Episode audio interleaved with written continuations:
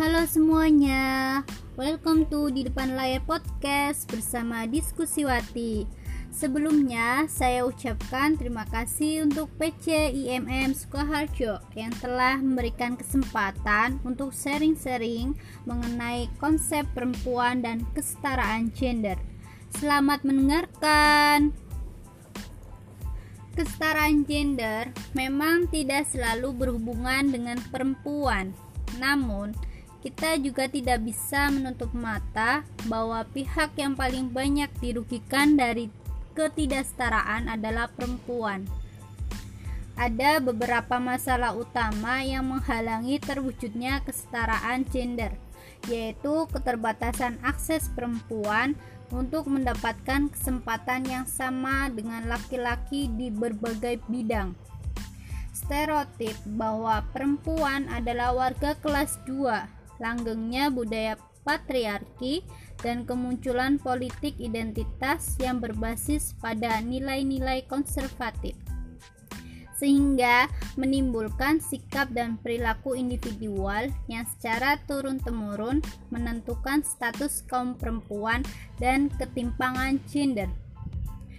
Hal inilah yang kemudian menimbulkan mitos-mitos salah yang disebarkan melalui nilai-nilai dan tafsir-tafsir ajaran agama yang keliru mengenai keunggulan kaum lelaki dan melemahkan kaum perempuan. Apa sih menurut teman-teman mengenai gender? Gender adalah pandangan atau keyakinan yang dibentuk masyarakat tentang bagaimana seharusnya seorang perempuan atau laki-laki bertingkah laku maupun berpikir. Misalnya, pandangan bahwa perempuan ideal harus pandai masak, pandai merawat diri, lemah lembut, atau keyakinan bahwa perempuan adalah makhluk sensitif, emosional, selalu memakai perasaan. Sebaliknya, seorang laki-laki sering dilukiskan berjiwa pemimpin, pelindung, kepala rumah tangga, rasional, tegas, dan sebagainya. Ada perbedaan secara biologis antara perempuan dan laki-laki. Namun, kebudayaan menafsirkan perbedaan biologis ini menjadi tuntutan sosial tentang kepantasan dalam berperilaku, hak-hak, dan kuasa. Misalnya, hampir semua kelompok masyarakat menyerahkan tanggung jawab perawatan anak pada perempuan, sedangkan tugas kemiliteran diberikan pada laki-laki.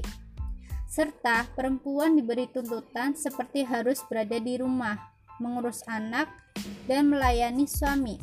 Akibatnya, ruang gerak perempuan menjadi sempit dan terbatas, Hal inilah yang disebut sebagai ketimpangan gender. Padahal baik laki-laki maupun perempuan keduanya memiliki hak dan kesempatan yang sama.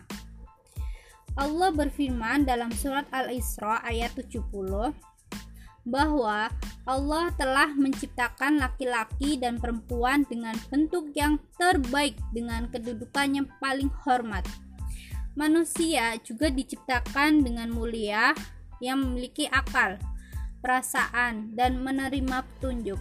Oleh karena itu, Al-Quran tidak mengenal pembedaan antara laki-laki dan perempuan, karena di hadapan Allah Subhanahu wa Ta'ala adalah sama. Laki-laki dan perempuan mempunyai derajat dan kedudukan yang sama, dan yang membedakan antara antara laki-laki dan perempuan hanyalah dari segi biologisnya. Namun, di beberapa bagian kehidupan sosial sering kali masih dibedakan yang sering dalam pemberian hak diutamakan pihak pria. Itulah sebabnya lahir pergerakan emansipasi wanita yang berhasil menjamin persamaan hak tersebut.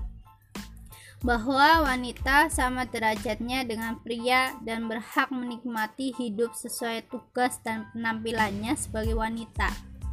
Wanita juga mempunyai hak sipil seperti pria, misalnya mencari ilmu, bekerja, dan sebagainya.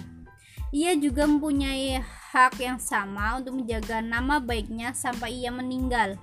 Perihal wanita yang sederajat dengan pria sesuai derajat kemanusiaannya telah dijelaskan dalam Al-Quran Surat An-Nisa ayat 32 dan 34 sedangkan hak istri terhadap suaminya dijelaskan dalam surat Al-Baqarah ayat 228 oleh sebab itu, demi meraih hak yang sama di segala bidang, perempuan mengharapkan kesetaraan gender. Kesetaraan yang dimaksud bukan serta-merta menyamakan fungsi perempuan dan laki-laki, melainkan adalah menginginkan akses dan kesempatan yang sama sesuai dengan kompetensi dan kemampuannya. Terima kasih sudah mendengarkan. Sampai bertemu lagi dalam diskusi Wati selanjutnya.